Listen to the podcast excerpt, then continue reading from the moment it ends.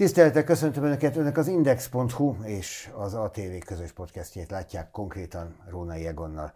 A mai vendégről pedig így előjáróban, bár úgy is ismerik, annyit mondanék, hogy gyermekkori álmát valósította meg azzal, hogy az Országos Mentőszolgálat munkatársa lett, mentőtiszt lett, és most már lassan két évtizede kommunikációs igazgató, vagy köznyelvben mondjuk ő a szóvivő, Györfi Pál. Örülök, hogy itt Hát én vagyok, én köszönöm szépen a meghívást. Az elmúlt napokban fokozott figyelem irányult az Országos Mentőszolgálatra, és hát annak a működését nem kifejezetten jó színben döntötte fel egy konkrét eset. Nyilván az esetről már annyi mindent elmondtak, elmondtatok, és annyi mindent megírtak és nyilatkoztak, hogy nagyon részletesen talán felesleges beszélni. A tünetről, amit megmutatott az ottani történés Gálvölgyi János rosszul létének története, viszont annál többet érdemes beszélni valószínűleg. Ugye az első hírek úgy szóltak, hogy mentés-irányítási probléma történt. A szakértők egy része pedig úgy fogalmazott, hogy ez nem ennyire egyszerű. Te hogy látod? Hát most már nem az a kérdés, hogy én hogy látom, hanem hogy mit eredményezett a vizsgálat, mert egy egészen részletes vizsgálat zajlott, ami tartalmazta az összes hanganyag visszahallgatását. Most már ugye jó néhány éve, talán 6-7 éve elektronikus adatrögzítés történik nálunk, tehát pontosan lehet látni az időadatokat, minden intézkedést, ami történt. Tehát van egy ilyen vizsgálati eredmény, ami hát alátámasztotta azt, amit én is gondoltam egyébként az első pillanattól kezdve, hogy itt valószínűleg egy mentésirányítói hibás döntés áll a háttérben. De talán érdemes lenne lenne elgondolkodni azon, vagy, vagy talán a, a podcast nézői számára ez érdekes lehet, hogy hogyan történik egy ilyen döntés, hogy ez mennyire esetleges, vagy mennyire van rábízva egy ember kényére, kedvére, hogy a mentő mikor menjen ki hozzá. Eleve a folyamatot valószínűleg érdemes lesz végig gondolnunk, onnantól kezdve felhívjuk a 112-t, de még egy pillanatra a vizsgálat eredményéről annyit, hogy a Magyarországi Mentődolgozók Szakszervezete azt közölte, hogy ők úgy tudják, hogy négy mentés irányító van benne a slamasztikában. Ti egyet állapítottatok meg, egy személy felelősségét? Még a vizsgálat ilyen szempontból nem zárult le, hiszen több hívás is érkezett a helyszínről. A vizsgálat eddigi szakaszában azt lehet mondani, hogy aki fölvette a hívást először, és aki a tünetek, panaszok alapján ugye a munkakörének megfelelően ezt, neki ez a dolga, hogy valamilyen sürgőségi szintre sorolja be. Ő ugye ezt a P2-es sürgőségi szintre sorolta. A P2 az azt jelenti, hogy nincs közvetlen életveszély, vagy legalábbis a kapott információk alapján nem kell ezt feltételezni. És utána az összes további intézkedés már ennek volt a következménye. Tehát de egyelőre... az újabb hívásnál ezt nem lehet felülbírálni? Felül lehet, felül lehet bírálni, hogyha elhangzanak újabb információk. És ilyen szempontból egyelőre azt látjuk, hogy, hogy ez az első hívás, és ennek a minősítése határozta meg az összes további lépést. Ugye a Magyarországi Mentődolgozók nem szakszervezete, hanem szövetsége, egyébként egy olyan szervezet, ami most én nem akarom nyilván minősíteni, de hát néha tényleg nem lehet tudni, hogy, hogy, hogy mit miért tesznek. És az rendben van, hogy megszólalnak egy bizonyos ügyben, bár ők ugye már a megnevezésükben is azt szerepel, mint hogyha ők az összes mentődolgozót képviselnék, pedig körülbelül az országos mentőszolgálat 8000 bajtársának az egyötöde az, aki valamilyen kapcsolatban van velük. Hát azért az nem kevés. Az egy komoly szám, de hát vannak más szakszervezetek is a mentőknél. Mégis ők szoktak megszólalni, és hát én bevallom őszintén, sokszor én is úgy látom, hogy vagy korán, amikor még nem is tudhatnak semmit, vagy esetleg részinformációk alapján alkotnak véleményt, és hát hogy mi a céljuk, ez számomra egyáltalán nem világos. Elvileg az a céljuk, hogy a mentőknek jót tegyenek, és a mentőknek, ha jót tesznek, akkor a társadalomnak tegyenek jót, de ez nem mindig így sül Hát jó esetben hogy az a céljuk, például egy ilyen megszólalással, hogy korrekt tájékoztatást adjanak a közvélemény felé. Akkor még akár kollégák is lehetnénk, hiszen Ennyi. nekem is ez a cél. Így van, akkor legyetek kollégák. hát, jó lenne. Az, hogy volt egy olyan hír, hogy a mentésirányító lecsapta a telefont egy ingerült hozzátartozói hívásra, és most akkor lépjünk egy lép, picit hátrébb a konkrét esettől. Az mennyire lehet általános? Az mennyire történhet meg mondjuk akkor, hogyha elveszti a fonalat az, aki a vonal végén van, mert annyira ideges, annyira kétségbe esett, és mondjuk olyan kifejezéseket használ, amiket egyébként a hétköznapi életben nem használnak. Erre rá lehet csapni a telefont nyilván nem. Hát ugye ez egy szakma, tehát itt nem magánemberként van jelen a hívást fogadó mentésirányító, hanem a, a szakma szabályai szerint kell eljárnia. Ennek van egy egészségügyi szakmai része, ezért tart tartunk ki amellett, hogy aki nálunk a hívásokat fogadja, ő egészségügyi szakember legyen, legalább mentőápoló, ugye ez egy jóká és mentőápoló képzés, vagy esetleg mentőtiszt, hiszen akkor tudja már az első pillanattól a szakmai tudása alapján, meg a rendelkezésre álló protokollok, eljárásrendek alapján a legjobb döntéseket meghozni, de hát mindannyian érezzük, hogy az emberség is számít, tehát ugye ezért nem gépek fogadják a hívásokat többek között, mert közben emberi sorsok és egy csomó olyan rezdülés hangzik el egy telefonkapcsolatban. Ugye tudjuk, hogy, hogy a hangkapcsolat az mennyire érzékeny tud lenni. Egy, egy kommunikációs képességekkel megáldott ember sokkal jobban fogja tudni végezni ezt a munkát, mint aki ilyen szempontból mondjuk Jól emlékszem, Pali, hogy te egyszerre, mintha azt mondtad volna, hogy a soténei mentálhigiénés képzést kifejezetten azért végeztél el, mert mentősként úgy érezted, hogy ez a pszichológiáról is szól, és nem csak az egészség. Mindig zavarba hozol, hogy mennyi mindenre emlékszel, ez valóban így van. Én mentőápolóként kezdtem 18 éves koromban, 1983-ban, csak így a podcast nézőinek őszintén bevallom, és utána először mentőápoló képesítést szereztem, mert gimiben érettségiztem, a Verespálniba jártam, mentőápoló, aztán mentőszakápoló lettem, és utána pedig felvételiztem a mentőtiszti főiskolára, amit szintén elvégeztem, és végre volt a kezemben egy diploma. De ezek a képzések, én végig úgy éreztem, hogy inkább a testről szólnak, és megtanultunk kiválóan gyógyszerdózisokat és mindenféle szervi működést, mint a lélekről, miközben a napi mentőmunkában, hát én 25 évig mentőztem, pont azt tapasztaltam, hogy sokkal többször van szükség valamiféle verbális segítségnyújtásra, vagy valamilyen emberi gesztusra, mint a gyógyszeradók ismeretére. Persze az is fontos, hiszen ha valakit újra kell éleszteni, akkor nem abban a pillanatban Ott nyilván nem, nem a, a lelkizés számít. Na de egyébként 10 mentőhívásból, vagy 10 segítségnyújtásból szerintem 8-9 olyan, ahol ö, ö, életmentő beavatkozásokra tulajdonképpen nincs is szükség. Önszorgalomból elvégezted, de ez nem kötelező? Tiszteknek? Vagy mondjuk, mondjuk azoknak, akik felveszik a hívást? Ugye a 80-as években végeztem a főiskolán, azóta nagyon sokat változott a képzés, tehát azóta sokkal hangsúlyosabb lett ez a pszichológiai képzés az alapképzésben is. Mi pedig a mentőszolgálatnál igyekszünk továbbképzéseket is szervezni. Most például, éppen most kaptam meg a, az anyagot erről, hogy az idei évben kétszer is minden mentés irányítónak, tehát akik a hívásokat fogadják, részt kell majd venniük olyan képzésen, ami kommunikációról szól, ami ugye a kikérdezési technikákról szól. Ez mennyire van ettől a konkrét esettől, hogy ez most ez, abszol- ez ettől abszolút független. Ez abszolút független. Csak most ennek kapcsán bekértem a továbbképzési programokat. Ez a telefonlecsapás egyébként megtörtént? Azt mondtad, hogy meghallgattátok a hívásokat.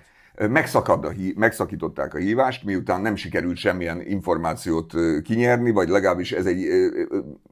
Én nem vagyok hivatott, hogy ennek a, a motivációjáról beszéljek, de lényeg az, hogy ez, ez nem egy professzionális megoldás. Még akkor sem, hogyha zsákutcába fut egy telefonhívás, ugye egy krízis helyzetben levő telefonálóval ezt nem lehet megtenni. Tehát itt kommunikációs hibák biztosan történtek, de ami a művész úr esetében ugye a kérdés az volt, hogy hogy lehet az, hogy valakihez nem megy ki 40 valahány percen keresztül a mentő. 50 perc, igen.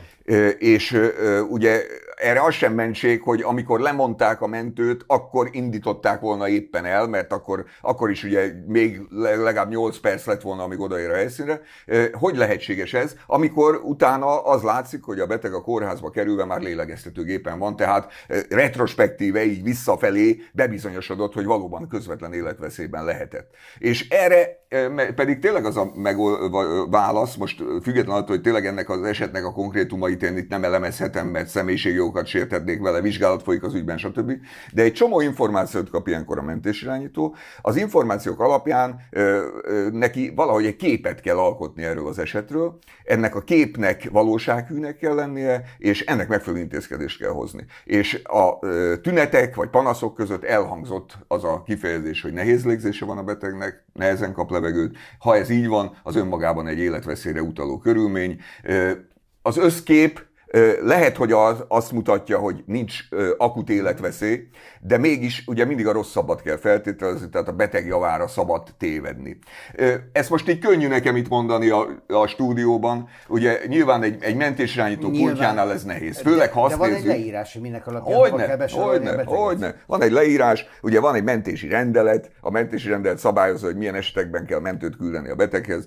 Ez egy jó nagy tág kalap egyébként, de ezen belül pedig van egy úgynevezett kikérdezési protokollunk, tehát egy segédlet, vannak eljárásrendek, tehát nincs magára hagyva a mentésirányító ilyen szempontból, hogyha ezeket szóról szóra betartja, és mondjuk ezt a nehéz légzés tünetet nem értékeli alul, vagy, vagy, vagy akkor, akkor most itt valószínűleg nem beszélgetnénk, ami egyik oldalról nyilván jó lenne, mert akkor a művész úrhoz ment volna azonnal a mentő, a másik oldalról pedig, hát most szerintem az egy jó lehetőség, hogy legalább egy kicsit megvilágíthatjuk ezt a témát. mert van igen, ebben miről igen. beszélgetni, de egy utolsó mondat elég Gávölgyi János ügyéről még egy mondatot.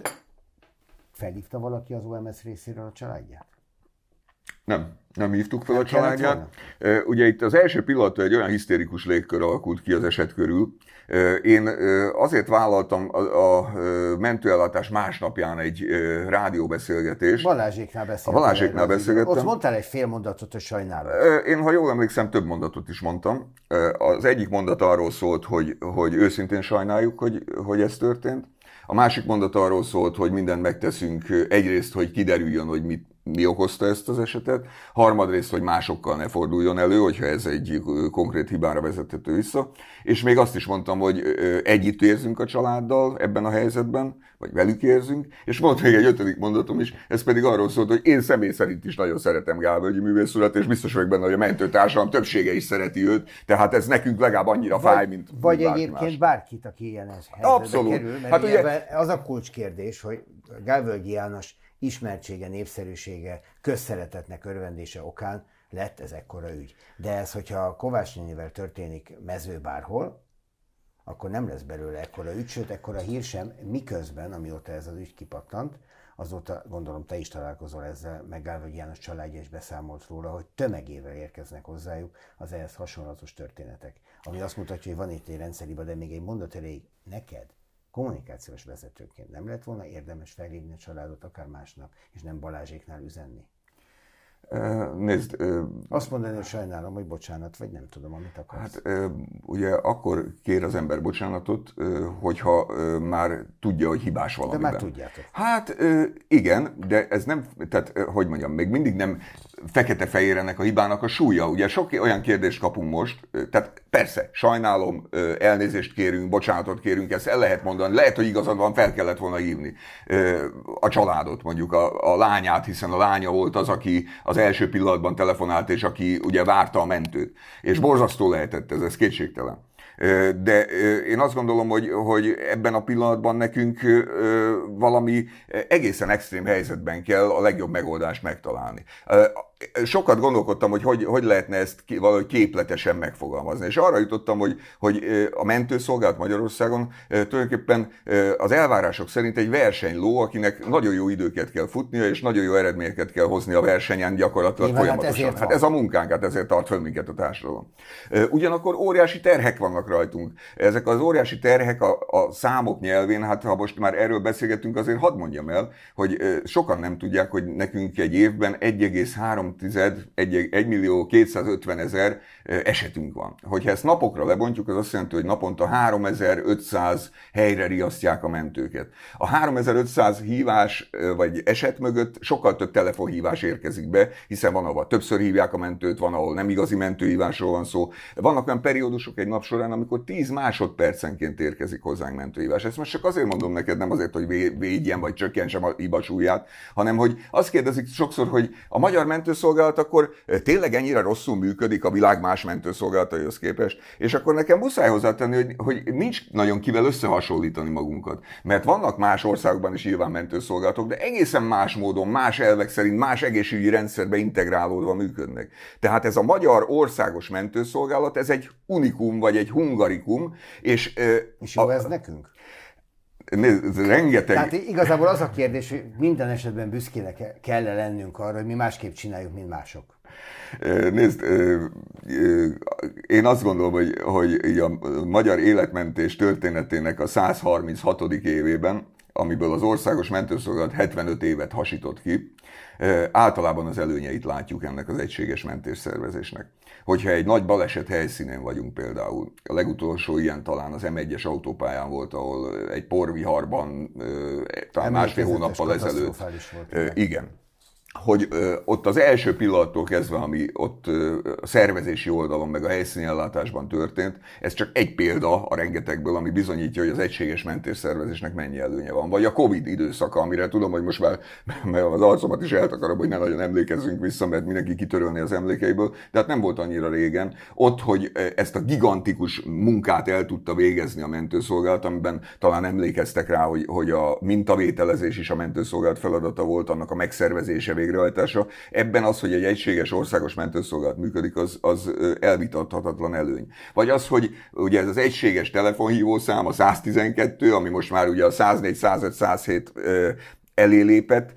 Ez most ötvöződve egy új feladattal, amit nem tudom, hogy tervezted hogy beszéljünk róla, de hát itt vannak az ügyeletek, hogy ami, akkor nem akarom el, előre uh, kimeríteni a témát, csak hogy itt is létre tudtunk hozni egy országos egységes telefonszámot, ami a, a szolgáltatás igénybevételét egyszerűsíti, és a beteg számára uh, egyszerűbbé De közben ez egy újabb teher a mentőszolgálatnak. Tehát, hogyha most ezeket elkezdjük sorolni, én készültem annyiból, hogy egy-két idézet itt van előttem, mert most megint nem fogsz örülni a Mentődolgozók Szövetségének elnöke Illés István, de Kunez Zsombor, aki a légimentés egyik korábbi munkatársa, talán vezetője is volt, mondja azt, hogy létszámhiány, túlterheltség, betegség, alulfizetettség és szervezetlenség, ez okozza a mentőszolgálat. Menjünk sorba? Baját. Menjünk sorba? Eh, van köztük olyan, amivel egyetértesz? Menjünk sorba. Menjünk sorba. Létszámhiány. Létszámhiány.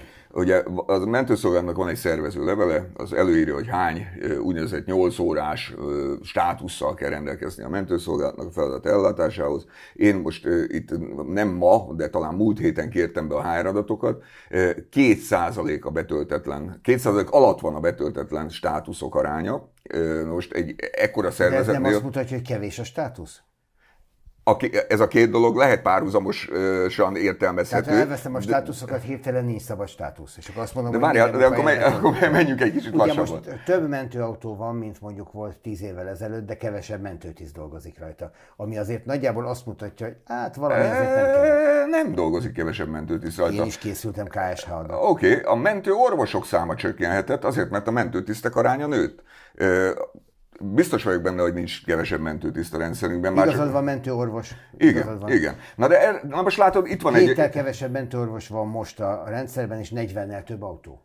Oké, okay, mert hogy a magyar mentőszolgálat, hú, ezek elég hosszú témák, meg bonyolultak, de akkor lassuljunk le egy kicsit. Tehát először is a világ nagyon sok országában egészen más elven működnek a mentők, mint Magyarországon. Az ő elvük angol kifejezéssel scoop and run szisztéma, ami azt jelenti, hogy a fő feladatuk az, hogy oda rohannak, fölkapják a beteget, és berohannak vele a kórházba néhány ország mentőszolgálata, köztük a magyar mentőszolgálat is, a kezdetek óta egy másik elvet val. Mi az úgynevezett stay and play elvet valljuk. Az angolul tudó nézőink most fölhördülhetnek, hogy mit, miért játszanak itt a betegekkel, de nyilván ez, ez egy kifejezés, ami arra utal, hogy mi a helyszíni ellátás hívei vagyunk, és csak akkor indulunk el a kórház felé, hogyha a beteg állapotát stabilizáltuk, sokszor érdemi beavatkozásokat végzünk, újraélesztés, stb. stb.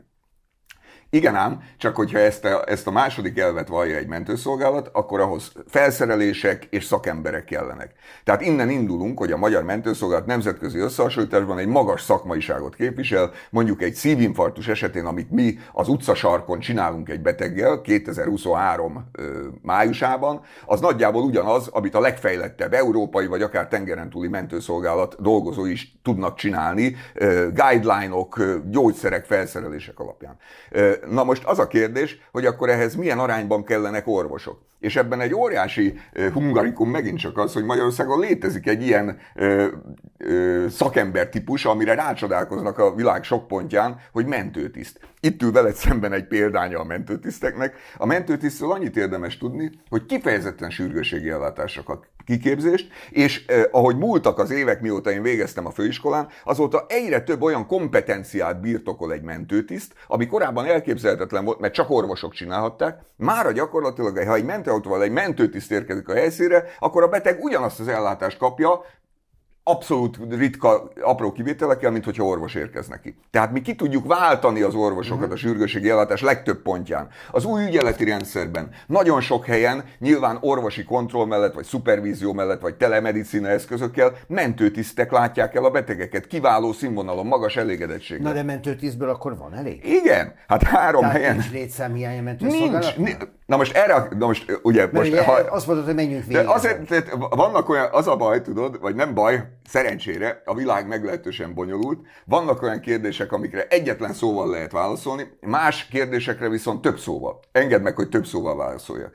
A magyar munkaerőpiac nem egységes. Vannak sajátosságok Kelet-Magyarországon, Nyugat-Magyarországon. Ha valaki gépkocsi vezetőt keres, mondjuk egy adott szolgáltató, akkor nem ugyanolyan eséllyel talál a fővárosban, vagy Győr környékén, mint mondjuk Nyíregyháza környékén. Bár ez is változott az elmúlt időszakban. A mentőszolgálat is a munkaerőpiacról kap bizonyos munkaerő típust, vagy, vagy munkaköri csoportokat. A mentőgépkocsi vezetőket például nehezebben tudjuk bevonzani, mondjuk a főváros környékén, vagy Nyugat-Magyarországon, vagy nyugati határszélen, hiszen ők elmehetnek ugye fuvarozó cégekhez, személyszállító cégekhez. Tehát esetileg helyenként vannak nehezebb HR helyzetek, de összességében azt lehet mondani, hogy, hogy inkább az a jellemző most, hogy, hogy várólisták vannak sok helyen az országban, hogy a mentőköz jelentkezzenek, miközben Annyira mondjuk mentőorvost azonnal föl tudnánk venni.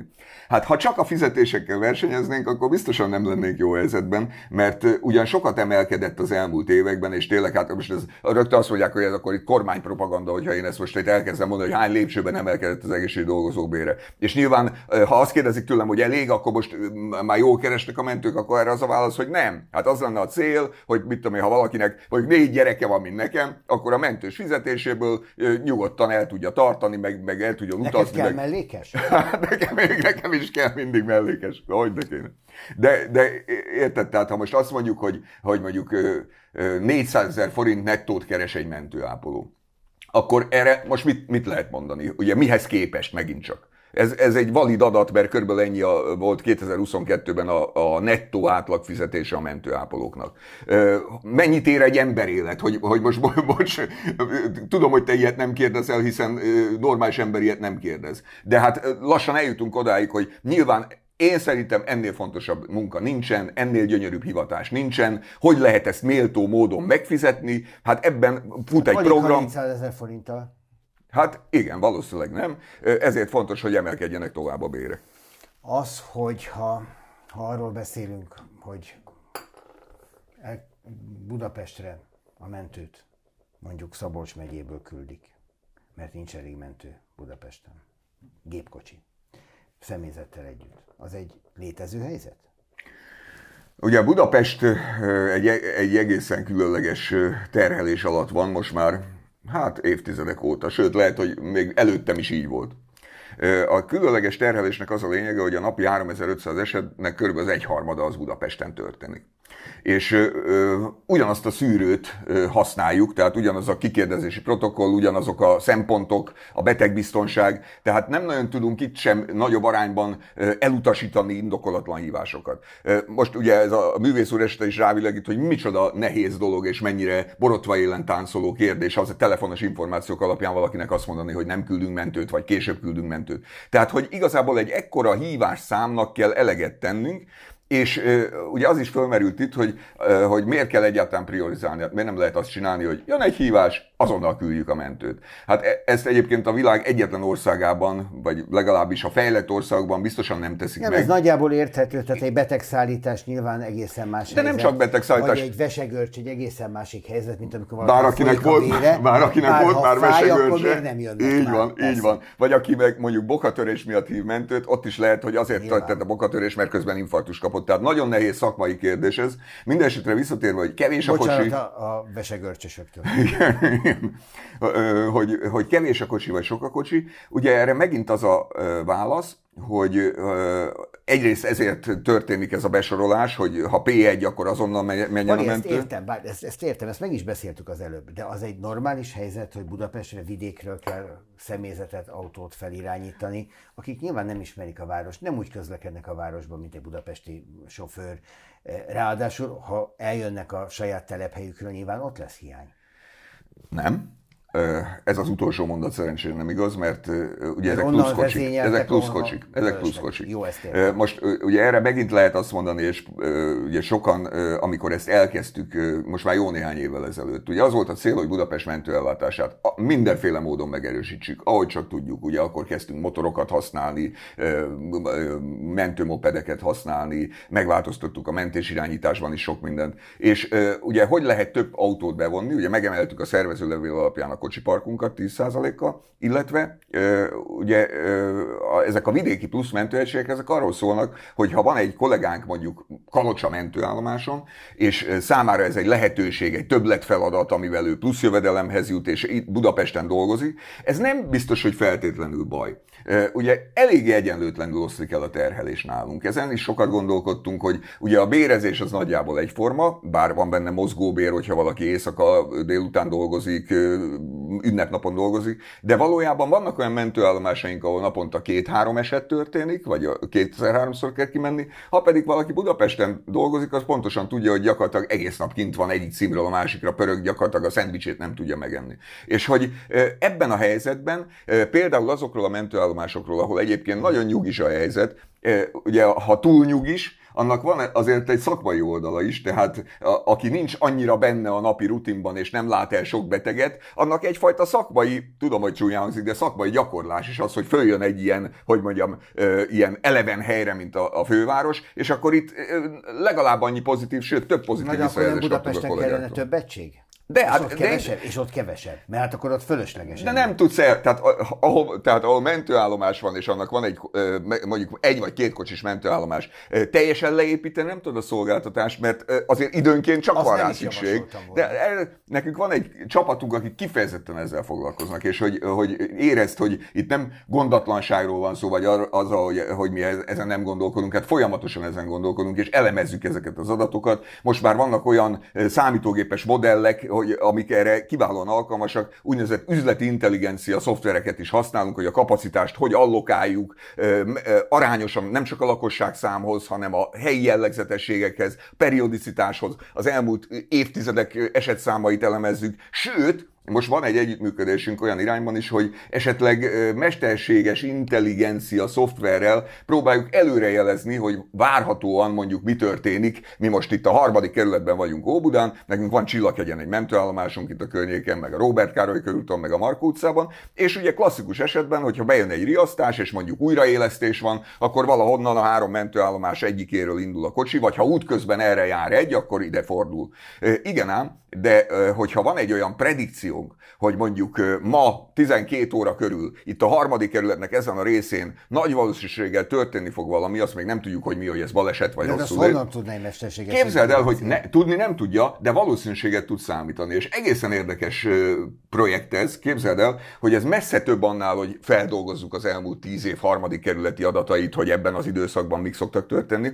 Olyan dolgokat is számításba vesz, amire én nem is gondolnék. Arra gondolnék, hogy mondjuk az idő időjárást, vagy a közlekedési helyzetet, de azt mondják a, a számítógépes szakemberek, hogy akár még a valuta árfolyam alakulása, vagy bizonyos politikai helyzet mondjuk a más földrészek, az is hatással lehet arra, hogy mekkora eséllyel történik valami. Nagyon érdekes dolog. Nyilván annyi információt táplálnak be, amit egy emberi agy feldolgozni képtelen, és a végén a végeredmény lesz egy százalék. Na most, hogyha ez a százalék mondjuk 12 órakor 92 százalék, akkor ne a mentőállomáson álljon a mentőegység, hanem jöjjön ide a környékre, és akkor, hogyha baj van, akkor itt lesz ezt a közelben. kipróbáltátok már? Képzeld el, hogy most próbáljuk. Ezt, van már rá példa?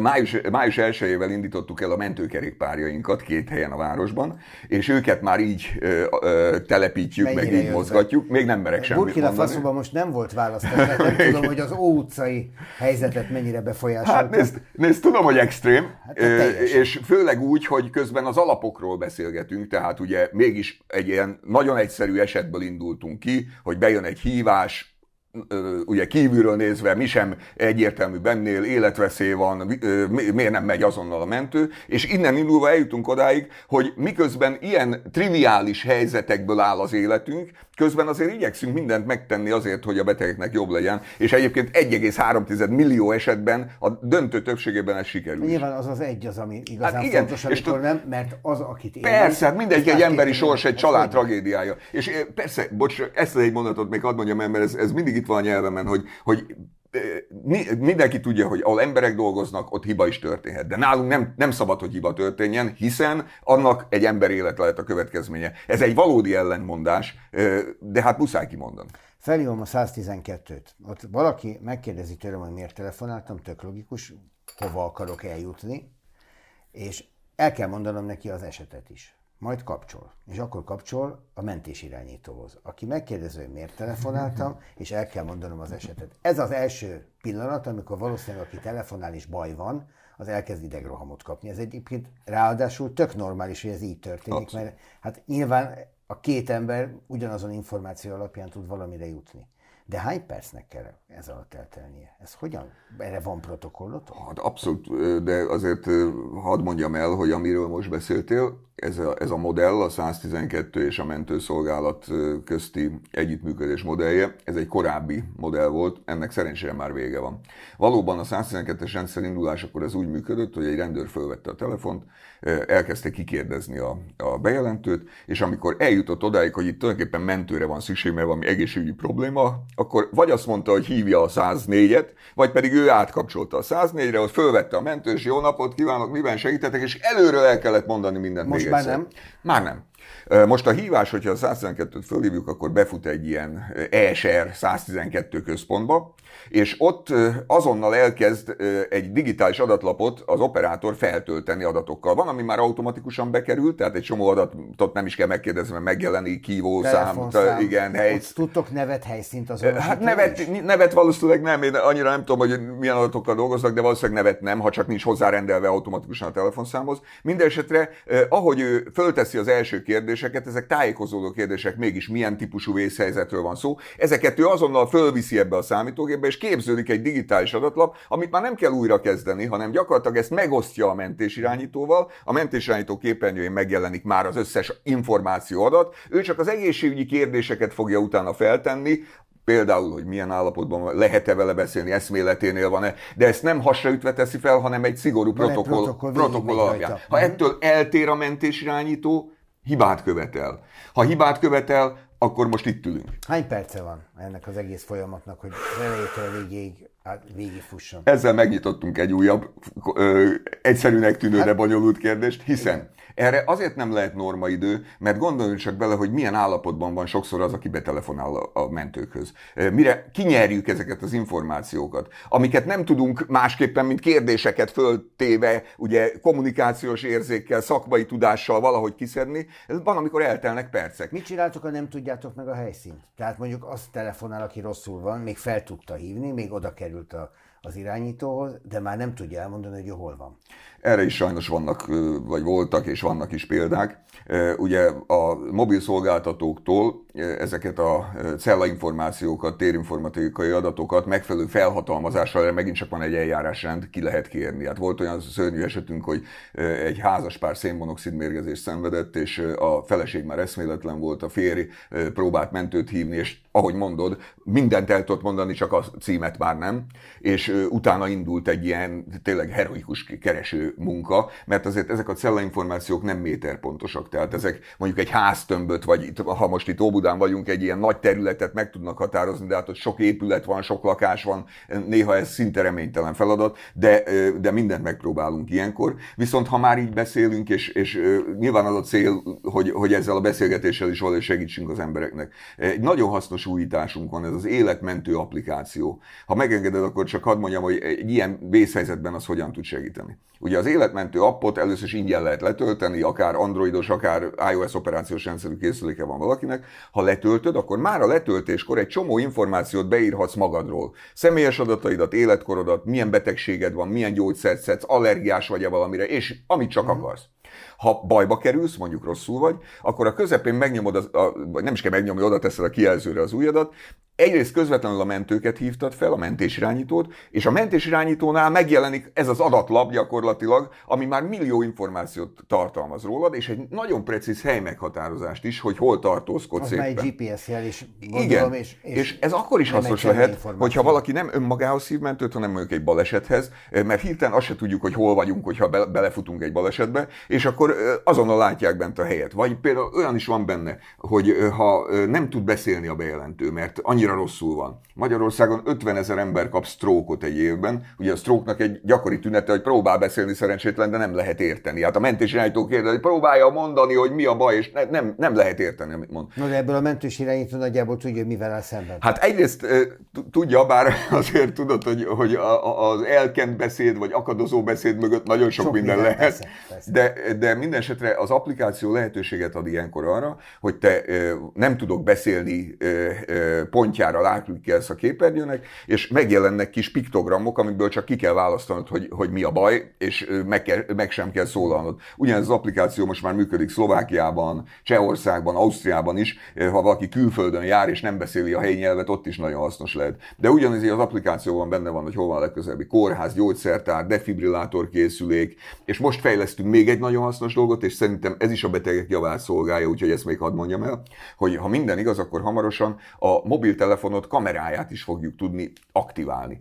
Magyarul, hogyha bejön hozzánk egy segélyhívás, lehet, hogy az illető, mondjuk a hozzátartozó nem is tudja elmondani, mert ő maga is rossz állapotban van, vagy nyelvi nehézségei vannak, vagy, vagy bármi, akkor azt mondjuk, hogy fordítsa oda a kameráját, és mutassa meg nekünk a beteget, mutassa meg nekünk a helyszínt egy balesetnél. Szerintem ez is, hogy mondjam, segíti a mentésirányítót majd abban, hogy egy sokkal pontosabb képet alkosson a beteg állapotáról, mert ugye nyilván ez a cél, hát a mentésirányítónak az a küldetése, az a hivatása, hogy segítsen. Tehát ő nem akar kitolni senkivel sem. Érzi a felelősséget azért a betegért, aki ez éppen hívnak mentőt, de az összes többiért is, ezért nehéz szakma ez. Na még egy olyan kérdés, miközben, mond még egyszer az applikáció nevét? Életmentő app. Hát ezt elég könnyű. Igen, igen, igen. Tehát ezt tessék keresni. Szóval, egy vita alakult ki arról, hogy hány perc alatt kell kiérkezni a mentőnek. És egy vita alakult ki arról, hogy ezt honnan érdemes számolni.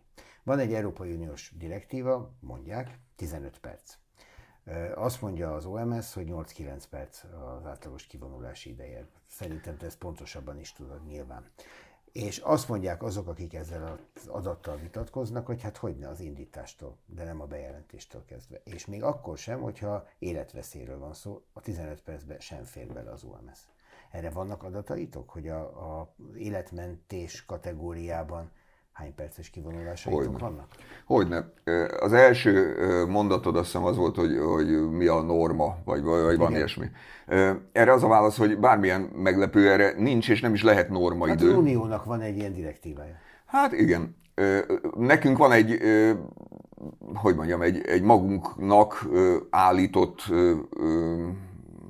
elvárásunk, és ez pedig úgy szól, hogy ha, ha valódi életmentésről van szó, tehát életveszélyes állapotról, akkor lehetőleg perceken belül érkezünk ki, hiszen van néhány olyan eset, szívmegállás, erős vérzés, vagy ha torkának ad mondjuk valakinek egy falat, nem kap levegőt, tehát légúti elzáródás. Ezek talán, most itt hirtelen, amit összeszedtem, ezek azok az esetek, ahol 15 perc is teljesen értelmetlen ö, téma, mert nincs 15 perc, nincs 10 perc sem, még talán 5 perc sincsen. Tehát ezek a közvetlen életveszélyes állapotok, tehát jó lenne néhány perc alatt odaírni. Ez sokszor képtelenség, ezért nagyon fontos, hogy a, például a mentésirányító telefonon keresztül addig is próbáljon segíteni, tehát a segítségnyújtás az gyakorlatilag a hívásfogadás pillanatában megkezdődik, még akkor is, ha a mentő majd csak később ér oda. De vannak olyan esetek, amikor mondjuk 10 percnek sincs a beteg szempontjából, vagy az állapotváltozás szempontjából nagy jelentősége, ezt időfaktornak hívják, ez egy önálló téma a mentés szakmán belül. Most, hogy a kérdése is válaszoljuk, hogy hány perc alatt érünk ki, miért nem onnan számoljuk, amikor beérkezik a hívás? Hát azért nem számoljuk onnan, mert a beérkező hívással néha még percek telnek el addig, amíg odáig eljutunk az információ nyerésben, vagy információ lehívásban, vagy nem is tudom, hogy nevezem, a beteg kiki, vagy a hozzátartozó kikérdezésében, hogy az már lehetővé tegye azt, hogy bármilyen intézkedést tegyünk. Tehát, hogyha mondjuk valaki most egy, Jó, egy... de ezt még tekintsük a beérkező Igen. hívás Na most akkor, akkor mondhatnád azt, oké, okay, de akkor ahogy megvannak indulunk, az adatok, akkor... Indulunk, akkor... mondja a mentés és akkor ott ül a család, és várja, hogy megérkezik. De várjál, várjál, várjál, várjál, bocsánat, akkor lehetne a következő pont, ahonnan számoljuk az időt, az, amikor a beszélgetés befejeződik, és onnantól Mondjuk, kezdve, mikor Számoljuk érkezik. onnan. onnantól. De nem tudjuk onnan számolni. Onnantól de nem tudjuk onnan számolni. Miért nem tudjuk? Azért nem tudjuk onnan számolni, mert a sürgős esetekben nem fejeződik be a beszélgetés hanem folyamatosan vonalban marad a mentésirányító a beteggel, amíg a mentő megérkezik. Ez azért inkább kibúvó, mint valódi Abszolút válasz. nem. Hát ha belegondolsz, onnantól kezdve, hogy a mentésirányító el tudja határozni, hogy ez melyik kategóriába tartozó riasztás. Igen. és azt mondja, hogy ez életmentő kategória, tehát menni kell, Igen. onnantól kezdve, mindegy, hogy beszél még a családtaggal vagy nem, ez onnantól kezdve az, ami. Tehát Igen. onnan lehetne számolni. De onnantól kezdve egy percen belül neki riasztania kell a Na, de mentőegységet. mikor indul a mentőegység? Hát Tud indulni egy percen belül a riasztástól kezdve? Mert a kritikusaitok azt mondják, hogy ez az, ami nem működik. Ez az, ami a leginkább nem működik. Nem, szerintem ha ezt mondják a kritikusaink, akkor tévednek. Tehát a valódi közvetlen életveszélyes esetekben, eh, ha nem is vagyunk ott, mint a legfejlettebb nyugat-európai országok nagyvárosi átlaga, de azért most a, tényleg eh, valahol egyébként nálam vannak ezek az adatok, de olyan 9-10 percnél tartunk a helyszínérkezési időben eh, Vár, Vármegyék átlagataiban. Talán Pest Vármegye az, amelyik eh, egy perccel eh, rosszabb átlagidéket produkál. Nem itt szoktak minket bírálni, vagy nem itt szokott lenni a, a, a kritika, hanem a, az olyan esetekben, ahol nincs ilyen közvetlen életveszély, mert közvetlen életveszély van, indítja a mentőt, nem szakítja meg a vonalat, telefonon tartja a kapcsolatot, segítséget nyújt. Ez működni szokott. Hát most, most hirtelen az elmúlt hétről, a, ugye ennek a szörnyű ö, ö, ö, ugye a művész úrral történt esetnek utána másnapján ö, a Szélkálmán téren például egy autóbusz vezető rosszul lett. Most, hogy egy példát mondjak a napi 50-ből. A, a buszvezető, ahogy rosszul lett, és, és konstatálták ott a helyszínen tartózkodók, hogy nagy baj van, betelefonáltak a mentőknek, a mentő azonnal riasztott két mentőegységet is, közben a telefonon keresztül ott tartózkodóknak mondta, hogy mit csinálnak, kiszedték a földre, azt hiszem, hogy 6 percen belül ért oda a, a riasztott mentőegység, defibrillátorral újraélesztették, tökéletesen működött. Itt is nyilván lehet valami, ami ez akadályozza vagy nehezíti, de átlagban, meg így a rendszer működését nézve, szerintem itt nem ér érhet minket jogos bírálat. A P2-es feladatok, ami ugye a, a, a összes Baj többi, van, de ráér. Baj van, de ráér. Na ez az a kategória, amiben már annyi, annyi esetünk van, hogy oda mind, nem tudunk ö, sokszor ö, úgy ö, riasztani mentőautót, ahogy szívünk, szívünk szerint tennénk, ott gazdálkodunk a mentőegységekkel, de ez a téma meg nagyon messzire vezet, és a kritikusaink egyébként miközben ütnek rajtunk egyet, azért néha bevallják, hogy ebben nagyon sok minden Na, benne van. Az vissza a egészségkultúr...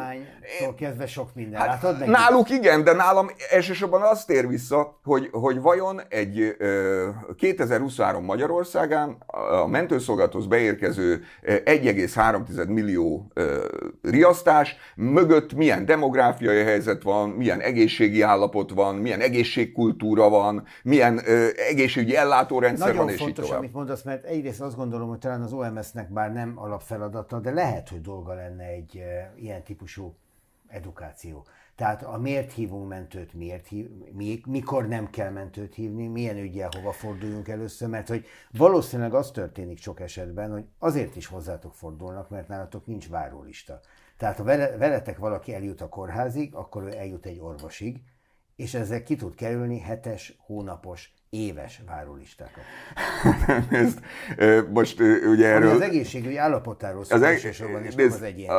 edukációs kampányokat mi próbálunk folytatni. Itt is a kristálytiszta üzenet és a tisztességes beszéd szerintem a jó megoldás. Na most itt megint nehéz kristálytiszta üzenetet megfogalmazni, mert az egyik oldalról azt mondjuk, hogy azért józanész alapján ne, ne hív minden hülyeséghez mentőt, de a másik oldalról meg azt mondjuk, hogy ha bármi kétséged van, inkább telefonálj, és akkor majd a mentésirányító legfeljebb eldönti, hogy mi a helyes teendő. Milyen gyakran mondja a mentés irányító, hogy nem hozzánk tartozik? Hát most az arányt nem tudom megmondani. Most például az ügyeletekben azt látjuk, hogy körülbelül a beérkező ügyeleti hívásoknak olyan 10-15 százalékában mi úgy hívjuk, hogy telefonos tanácsadással sikerül mindent elintézni. Legyen tehát be nincs egy szükség. Így van, legyen be egy fájdalomcsillapítót. Csak hát ugye ezek nagyon súlyos döntések, és ugye annak a mentésirányítónak ez az élete. Na, de akkor Meg a betegnek is, aki ezt a mentőt- Főleg a betegnek az Igen, élete, mert ugye igen. ő akkor úgy érzi, hogy Hát hogy? idézőjelben Hogy? az életéhez Hogy? küzd. Abszolút. Mert baja van. Viszont akkor maradjunk egy pillanatra annál, hogy az egészségügy állapota mennyire befolyásolja a mentőszolgálat működését. Pont azért, amit az előbb felvetettem. Tehát a rajtatok keresztül várólistákat kikerülve el lehet jutni egy kórházba egy orvoshoz. Hát az egészségügyi ellátórendszer állapota biztosan befolyásolja a mentők igénybevételét is.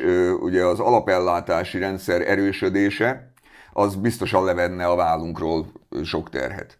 Én nem vagyok egészségpolitikus, tehát én ez nem tudok nagyon hozzászólni. Mi azt vártuk, és még most is azt várjuk, hogy például az az intézkedés, vagy az a szerkezet átalakítás, ami az ügyeleti rendszert, ami az alapellátás része, a mentőköz integrálja, az egy kicsit paradox módon levesz a vállunkról terhet, mert eddig nagyon sokszor az ügyelet helyett is mentők dolgoztak. Tehát a háziorvos ügyelet vagy nem volt elérhető, vagy azt mondták, hogy kint van az orvos, majd ha visszajön, akkor majd szólunk neki, és a vége az lett, hogy a mentőnek kellett mennie. Tehát mi azt vártuk, és egyébként azokban a vármegyékben, ahol már mi működtetjük az ügyeletet, azt is látjuk, hogy ez egy kicsit könnyebbséget jelent nekünk. De hát az egészségügyi ellátórendszer átalakítása az nem egy könnyű falat, úgyhogy én örülök, hogy, hogy maradok a saját kaptafámnál. Vele. Jó, igazából csak arra gondoltam, hogy azt mennyire érzékelitek, hogy amit én felvetettem, az létező gyakorlat. Tehát a, hívjuk ki a mentőket, bevisz, legalább lát egy orvos. Hát nézd, ez visszaélés.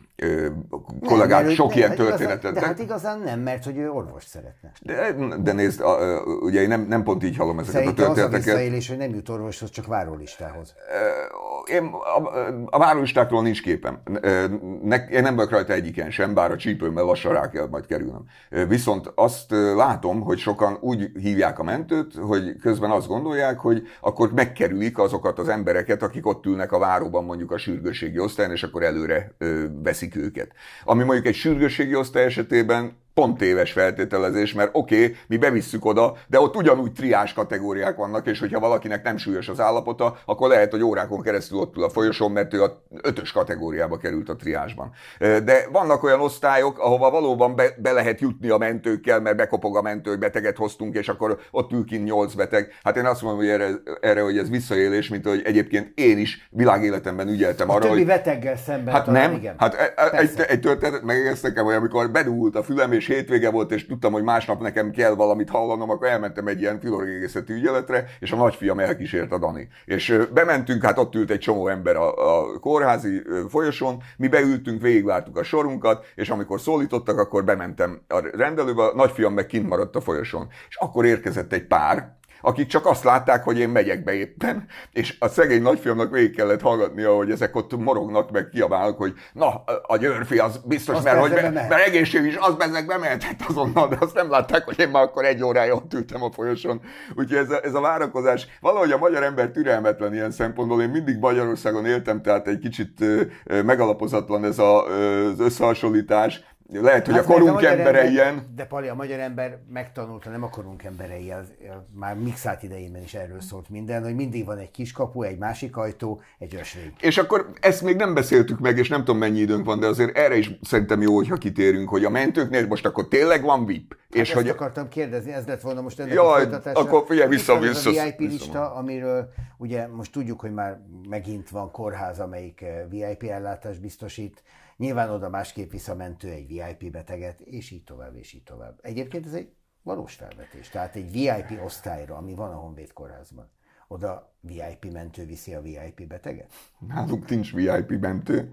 Nálunk, ö, hát Figyelj, én tényleg világéletemben büszke voltam rá, hogy az országos mentőszolgálatnál dolgozom. És az elmúlt húsz évben, mióta szóvivő vagyok, sok minden történt. Voltak ilyen krízis kommunikációs helyzetek, valamit fölkapott a média, erről beszélt az ország, ránk húzták a vizes lepedőt, hirtelen elfelejtették, hogy egyébként milyen lelkismeretesen végzik a munkájukat a mentők. De amikor ez a téma most itt tegnap vagy tegnap előtt fölmerült, akkor, akkor ez engem nagyon szíven ütött, mert ez az alapértéke a magyar mentőszolgálatnak. Biztos a külföldi kollégáknak is. Nincs az életmentésben VIP. Soha nem szabad számítani annak, hogy ki igazgató, ki segédmunkás, ki hajléktalan, ki gazdag ember. Amíg ez így van, addig vállalom én ezt a munkát, őszintén mondom neked, hogyha ezen változás lesz, akkor, akkor köszönöm szépen, nekem ez itt elég is volt. Tehát eh, ahogy egy balesethez, ha kimegy a mentőautó, pont nem érdekli, hogy, hogy ki, de, ki az Instagram sztár, meg ki a, a, kinek van több fux a nyakában, hogyha van egy súlyos sérült, akkor őt fogják először ellátni. És eh, ez a mentés irányításban is így működik.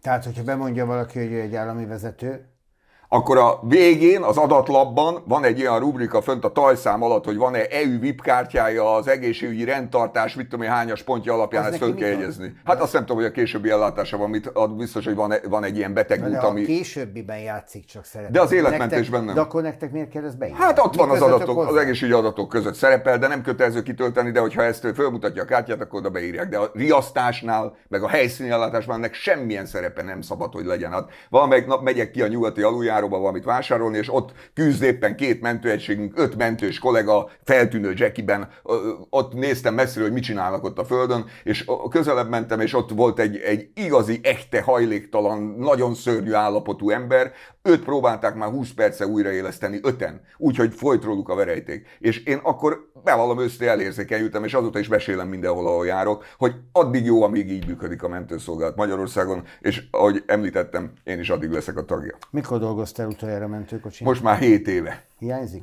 Hát, néha elérzékenyülök, meg néha nosztalgia fog el, de hát én 25 évig csináltam, tudod, és akkor még nem voltak gyerekeim, és ez volt az életem. Hát most ugyanilyen lelkesedéssel csinálom ezt a kommunikációs melót, nagyjából betölti az életemet, gondolkodom rajta, hogy visszamenjek legalább egy-egy éjszakára, vagy egy-egy napra, de a szakma meg elszaladt mellettem, tehát újra kell vizsgáznom mindenből. Hm.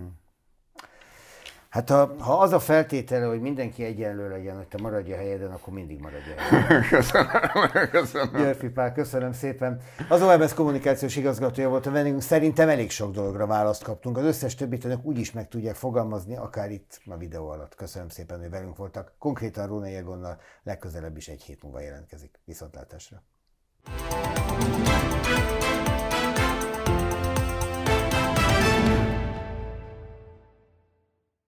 A műsor a Béton partnere.